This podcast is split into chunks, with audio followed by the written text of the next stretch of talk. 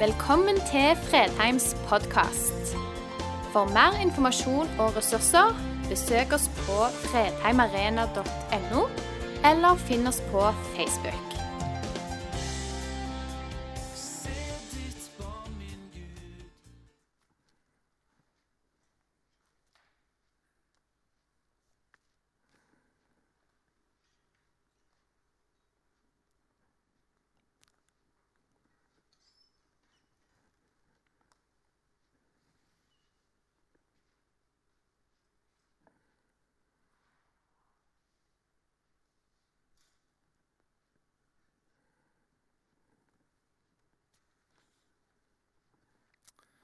Jeg tenkte at siden jeg skal snakke om stillhet, så må jeg kanskje gi rom for 30 sekunder stillhet i starten. De som hører talen på den podkasten, er mulig allerede har slått av podkasten. Eller at de irriterer seg noe grenseløst, og at det er noe feil med teknikken. Jeg hadde nok vært av de siste. Noen av dere regner kanskje med at nå er det teknikerne som sliter med å få på en film eller få på noe lyd. Andre tror sikkert at det rabla for meg. Hvorfor er det sånn? At 30 sekunder med stillhet, så antar vi at noe må være feil. I samtalen med hverandre, og kanskje særlig i samtalen med folk vi ikke kjenner så godt, så bruker vi begrepet pinlig stillhet. Hvorfor er stillheten pinlig? Kan ikke stillhet bare være stillhet? Kan ikke stillhet òg være tjenlig? Må det alltid være lyd? Når Runar sa han ville snakke om vekst, men ikke vekst i antall, men vekst i dybde og Han hadde noen tema han, han ønsket å snakke om, så sa jeg hva ved at vi også kjører inn de åndelige disiplinene? Jeg har måttet vente på det nå i år, at vi endelig kan skyve inn de andre disiplinene i en temaserie. Nå kom muligheten. Eh, så nå kommer de. Eh, og her kommer stillheten. Tror jeg at stillhet kan skape vekst? Ja, jeg er 100% sikker på at stillhet kan skape vekst. Praktiserer jeg det nok selv? På ingen måte.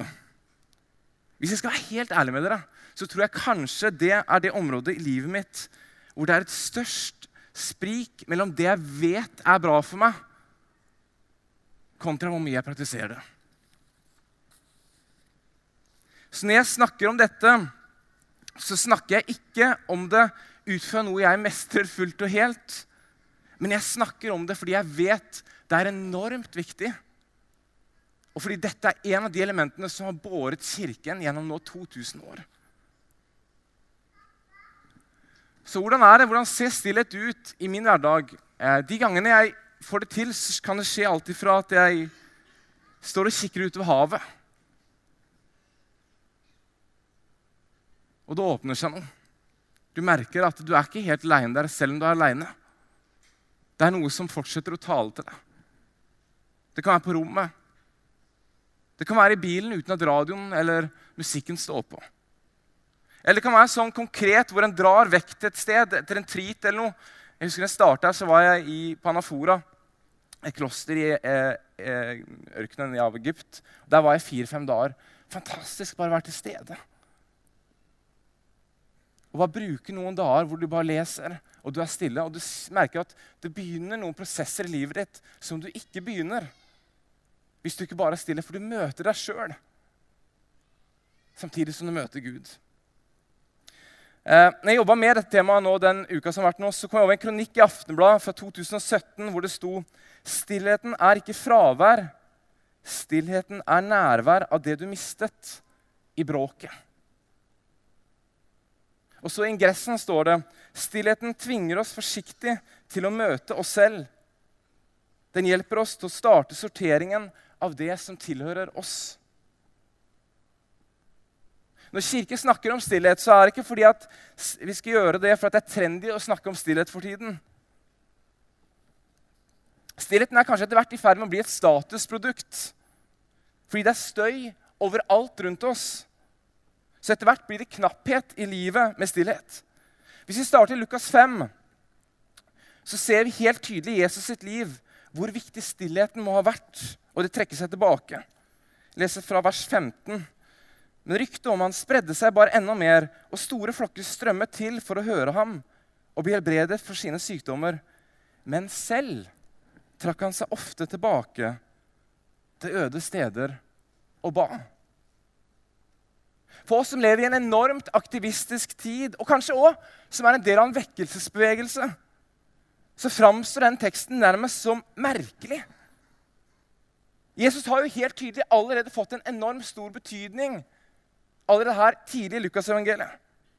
Store flokker av mennesker strømmer nå til han for å høre han, for å bli helbredet av. Og han har alle muligheter i verden i dette øyeblikket til å forandre disse menneskenes liv. Helbreder de, leder dem til Gud. Men så står det selv trakk han seg ofte tilbake til øde steder og ba. Hvorfor det? Du er verdens frelser. Med en helbredelse eller to så hadde kanskje disse menneskene gått fra å ikke tro på Gud til å gi sitt liv til ham. Det gir ikke mening at han trakk seg så ofte tilbake til øde steder og ba. Hvis ikke da stillheten og tilbaketrekningen selv har en uendelig stor verdi i nettopp det å finne hvile, og kanskje òg i det å finne Gud. Vi tar en tekst til før vi går videre. Lukas, denne gangen 442. Da det var blitt dag, dro han ut til et øde sted Folk ga seg til å lete etter ham, og da de kom til der han var, forsøkte de å holde ham igjen, så han ikke skulle gå ifra dem. Så igjen trekker han seg altså tilbake til stillheten. Men folk gjør tak i ham, de leiter. Hvor er han? Jeg må treffe Jesus, mesteren, frelseren. De prøver å finne den. Det vil være tidenes øyeblikk for Jesus til å møte deres behov. Og så står det så må de prøve å holde han igjen, for han har prøver tydeligvis å gå vekk derfra. Det er akkurat som han ikke i dette øyeblikket ønsker å bli funnet. Det Jesus gjør i disse øyeblikkene hvor han er vekk i stillhet med sin far, er tydeligvis av en så stor betydning for ham at behovene for verden rundt må bare vente. Hvordan en hvilken som helst person, aktivist, revolusjonær starter sin tjeneste, vil sannsynligvis fortelle veldig mye om både personen, om hjertet hans, programmet hans, agendaen hans. Husk dette. Jesus begynte sin tjeneste med 40 dager og 40 netter i ørkenen. Det var der han begynte. 40 dager i stillhet. Det vil si hvor mye stillhet var det egentlig? Vi vet at djevelen besøkte den. I løpet av 40 dager så møter noe i deg sjøl og hos Gud.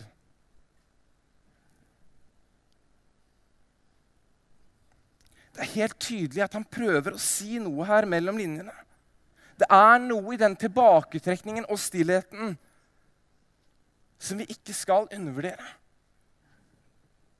Mamma Maggi hun er en koptisk nonne som av mange omtales som Egypts svar på mor Teresa. Har blitt nominert til Nobels fredspris mange ganger. Hun gav opp et privilegert liv. I møte med søppelfyllingene og søppelfjellet i Kairo, i møte med søppelsankerne og de barna som bodde der, og de nysgjerrige blikkene, så fant hun Gud. Og hun ga sitt liv til å hjelpe de barna som hun fant der på den søppelfyllinga. Hun har sagt noen nydelige ord om stillheten. Gjør kroppen din stille for å lytte til ordene. Gjør tungen din stille for å høre tankene. Gjør tankene dine stille for å lytte til hjertet ditt som slår. Gjør hjertet ditt stille for å lytte til din ånd. Gjør din ånd stille, så du kan lytte til hans ånd. Kan det være noe i stillheten som gir et større rom for hans nærhet? Ikke fordi han ikke også er i all støyen, men fordi det blir lettere for ham å trenge igjennom lettere for oss å oppdage hva han ønsker å si. Når det bare er meg og han. Vi lever i en informasjonsstrøm. En karusell av oppdateringer, push-varsler og dansende bitmojis. Facebook spør hva vi tenker på. Instagram spør hva vi ser. Twitter gjerne spre meningene våre. Vi er sosiale på en helt annen måte enn før. Og Hvordan dette påvirker relasjonen våre, vil bare tiden vise. Ser også en enorm endring på hvordan det vestlige samfunnet nå verdsetter utadvendte mennesker mye høyere enn de som er mer stillende og tilbaketrukne enn bare for noen år siden. Er vi egentlig sikre på at det alltid er best å lytte til den som roper høyest? Den som roper først? Jeg har merket det i eget liv også. Kanskje du har gjort det. I de periodene hvor kanskje ikke har det så bra. At istedenfor å senke tempoet, så øker jeg det. Fordi hvis jeg øker tempoet på jobb, i fritiden, speeder ting opp, så får jeg mindre tid til å tenke.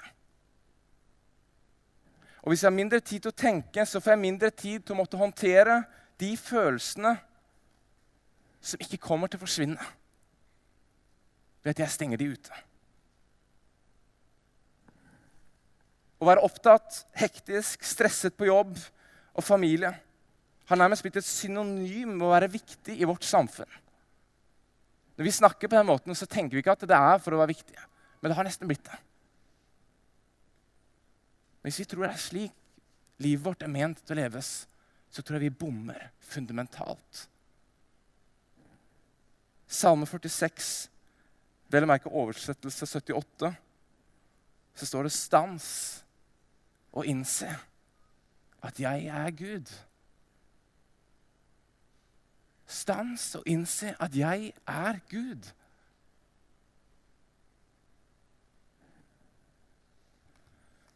Blant kirkens første munkebevegelse fra 300-tallet ble stillheten og tålmodigheten tidlig regnet som en av de aller største dydene. Jeg snakket om disse munkene før. Jeg kommer aldri til å bli ferdig med det. Jeg kommer til å snakke om det hele livet mitt, sannsynligvis. Disse munkene de bygde jo da huler i ørkenen i Egypt som de bodde i. Og Ved et av tilfellene så kommer det da en nyankommen munk til en av de som var mer erfarne, hadde bodd der i mange år, som heter Abba Moses. Og Han spør da Abba Moses, han har kontakt med Abba Moses, vi snakker med han. Abba Moses bare svarer han, gå og sett deg i cellen din, så vil cellen din lære deg alt. Cellen var da forstått som hulen de bodde i. Hva var poenget med den setningen? Gå og sett deg i cellen din, så vil cellen din lære deg alt. Jo, fordi I stillheten så vil du både møte deg sjøl, du vil møte Gud. Og du vil måtte jobbe med prosesser i livet ditt som du ikke får tid til å jobbe med. Hvis vi er opptatt hele veien med å gjøre ting og praktisere ting. I vår moderne forståelse av ensomhet og stillhet er det ofte knyttet privatliv. Eller mer, mer, mer eller mindre et terapeutisk sted hvor vi kan samle krefter. For disse munkene og for den tidlige kirken og kirken etterpå så er derimot ensomheten og stillheten et sted for forandring. Hvor det gamle jeg må dø, og hvor et nytt liv blir til. Stillheten ble viktig nettopp fordi de opplevde at det var her Gud virkelig møtte og transformerte hjertene deres. Og gjorde dem til deres sanne jeg. Jeg bare elsker det ordet 'transformert'. Tenk å bli transformert av Gud. Tenk, at, tenk om Gud bare vender fullstendig om på mitt hjerte. Så jeg kan bli mer lik ham.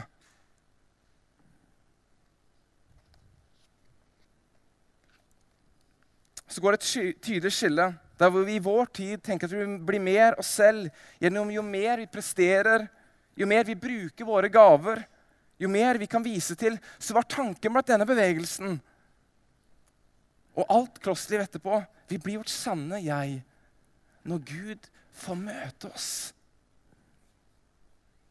i dypet og forandre oss i stillhet. Det er egentlig sånn som salmen sa.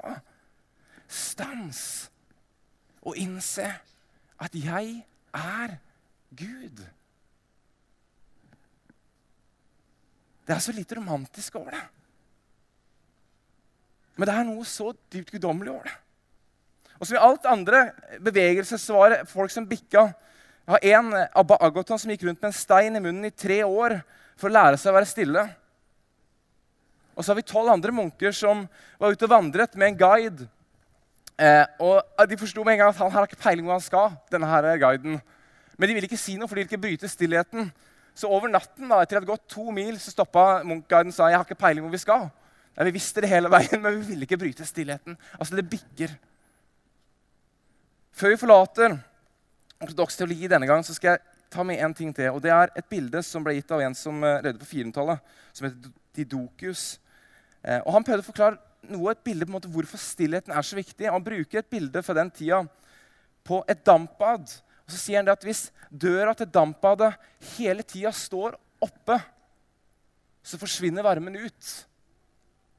Og litt det samme mente han med munnen. Hvis munnen hele tida taler, så er vi redd at vi mister en del av de tinga som Gud talte oss. At det bare forsvinner ut igjen, istedenfor at det kan være der inne og forandre livet våre.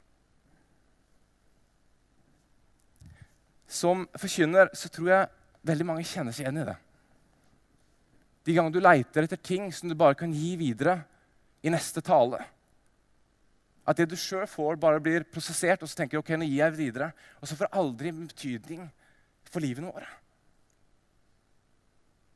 Jeg tror det er noe i det å grunne på de tingene du får, og la de får lov å virke i livet ditt. Så målet er ikke stillhet i seg sjøl. Målet er gudsmøte forandring, transformasjon. Hvis vi går tilbake til, det, til, den tiden vi lever i da, så er temmelig mye annerledes nå, 1700 år seinere. Vi lever i en tid med mye støy. Noen er blitt så avhengig av lyd at de må sette på radioen eller TV-en som støykilde i bakgrunnen bare for å unngå å bli konfrontert med stillheten. Hva er grunnen til at vi så ofte rømmer fra den? Hva er det vi frykter? Er det usikkerheten? Er det tankene jeg prøver å stenge ute gjennom å gjøre mer? Er det meningsløsheten? Skuffelsen? Angsten? Hva med alt stillheten kan gi? overskudd, næring. Og faktisk få tid til å lytte til meg sjøl, lytte til andre, lytte til Gud. Dype relasjoner. Hva hvis det jeg faktisk frykter i stillheten, kan være svaret på en del av mine spørsmål? Vet du hva som står i evangeliene? Umiddelbart etter Jesus vendte tilbake fra de 40 døgnene i ørkenen, så leser vi Lukas 4, 14, så står det i åndens kraft vendte Jesus tilbake til Galilea. Og ryktet om han spredde seg om hele området. I åndens kraft. Det er en kraftkilde her som jeg er redd vi overser i vår kristne tradisjon, og som vi igjen må hente opp ifra røttene. I vår tid trenger vi den kanskje mer enn noen gang før. Polfarer, advokat, forlegger, forfatter og så var det to-tre andre ting òg. Eh, Erling, Erling, Kagge skrev i 2016 boka 'Stillheten i, nei, 'Stillheten i støyens tid'. Jeg skal lese noen linjer fra den. Hvor, hva er stillhet? Hvor er den? Hvorfor er den viktigere enn noen gang? Tre spørsmål og 33 forsøk på svar. Å stenge verden ute handler ikke om å snu ryggen til omgivelsene, men det motsatte å se verden litt tydeligere, holde en retning og forsøke å elske livet. Hvis jeg ikke kan gå, klatre eller seile fra verden, har jeg lært meg å stenge den ute. Det tok tid å lære. Først da jeg skjønte at jeg hadde et dypt behov for stillhet, kunne jeg begynne å jakte på den. Og der, Langt nede under en kakofoni av trafikkstøy og tanker, musikk, maskinlyd, iPhoner og snøfreser lå den og ventet på meg. Stillheten. Erling Kagge her sine fine refleksjoner om stillheten. I kristen tro tror vi likevel stillheten og tilbaketrukkenheten aldri handler om å stenge verden ute. Men vi er stille slik at Gud kan få lov å møte oss i vårt indre. Kanskje kan vi si at vi er stille for at verden skal bli enda mer reell. Ikke for å flykte fra den.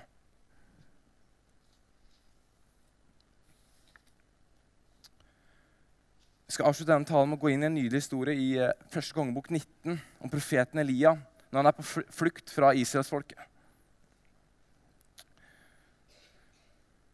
Jeg leser fra vers 9, uh, eh, fra kapittel 19. ja. Da gikk han igjen i hule og sov der om natten. Da kom Herrens ord til ham, og det lød så.: Hvorfor er du her, Elia? Han svarte, Jeg har vist brennende iver for Herren, herskarens Gud, for israelittene har forlatt din pakt. Dine alter har de revet ned, og dine profeter har de drept med sverd. Jeg er den eneste som er igjen, og nå står de meg etter livet. Og da sa Herren, Gå ut og still deg opp på fjellet for Herrens ansikt, så vil Herren gå forbi. Foran Herren kom en stor og sterk storm som kløvde fjell og knuste klipper. Men Herren var ikke i stormen. Etter stormen kom et jordskjelv, men Herren var ikke i jordskjelvet.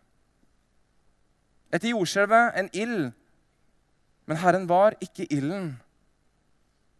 Etter ilden lyden av skjør stillhet. Da Elia hørte den, dro han kappen for ansiktet, gikk ut og stilte seg huleåpningene. Der gikk han inn i en hule og sov natten. For en nydelig tekst. Gud var verken å finne i stormen, i jordskjelvet eller ilden, men i den skjøre stillheten. Og når Elia hørte den skjøre stillheten, så forsto han dette må være Gud. Han dro sløret foran ansiktet.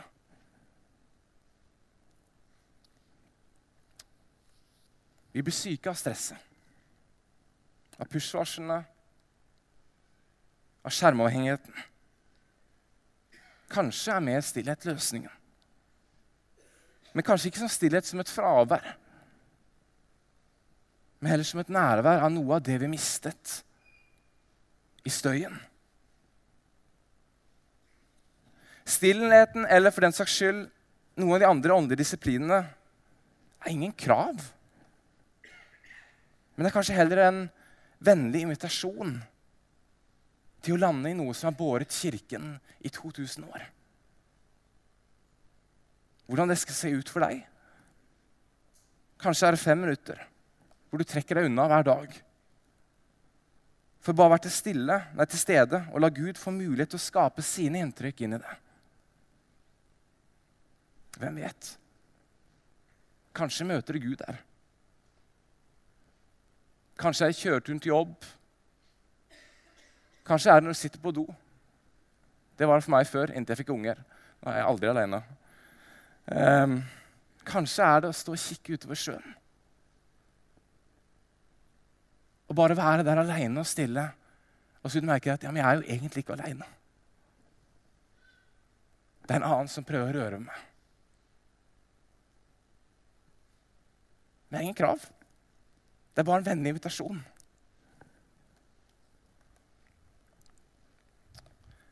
Så tror jeg vi har nødt til å berøre én ting til når vi snakker om stillhet. det tror jeg at vi er nødt til å berøre skjerm. Og det berører jeg frimodig fordi jeg har et problem med det sjøl. Eh, vi bruker for mye tid på skjerm. Jeg gjør iallfall det. Jeg kan snakke om meg sjøl. Jeg bruker for mye tid på skjerm. Mye har den tiden jeg kunne vært stille, bruker heller på å scrolle på Facebook. På ting jeg syns er fullstendig uinteressant. Men jeg gjør det likevel. Og det, fått, det, er jo et av nyttårsforsettene jeg faktisk har fått meg at jeg ikke lenger skal scrolle på Facebook.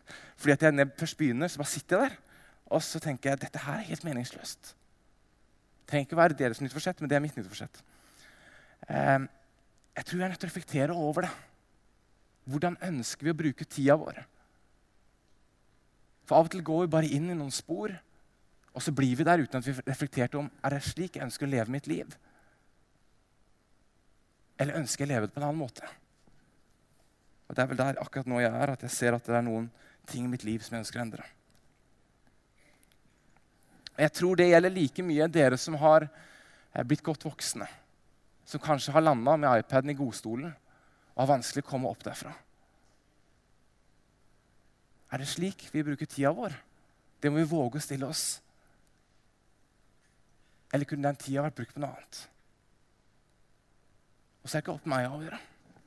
Det avgjør dere sjøl. Jeg startet med å si dette. Kanskje er dette det området i livet mitt hvor jeg er lengst ifra det jeg vet altså Gapet er størst mellom det jeg vet er bra for meg, og det jeg faktisk praktiserer. Men sånn vil jeg ikke at det skal være lenger. Når jeg jobber med det her igjen, så tenker jeg jeg er nødt til å gjøre noe med livet mitt. Ikke fordi jeg må endre det, ikke fordi jeg bør endre det, men fordi jeg merker hvor mye jeg trenger. Jeg trenger at han møter meg bare når jeg er stille. At jeg får lov å begynne de prosessene i livet mitt uten at jeg bare stiller det, nei, holder det ute ved støy. Jeg trenger den roen jeg vet at bare han kan skape. Og hva han kan skape i mitt liv gjennom sin skjøre stillhet. Vi ber. Kjære Jesus, takk for at uh, du elsker oss. Takk for at du møter oss der vi er, Jesus. Uh, og takk for at når det kommer til dette med stillhet og disipline, så finnes det overhodet ingen fordømmelse. Men det finnes mange vennlige invitasjoner. Far, hjelp meg til å ta de grepene i mitt liv, så jeg igjen kan få lov å oppleve at dette spriket mellom hva jeg vet er bra for meg, og hvordan jeg faktisk praktiserer, kan bli mindre. Så jeg ber om at du må hjelpe oss å skape rom i våre liv hvor det blir lettere for deg eh, å møte oss i dypet. Forandre oss, Jesus. Transformere våre hjerter. Takk for at du elsker oss. Og takk for at din nåde aldri tar slutt. Amen.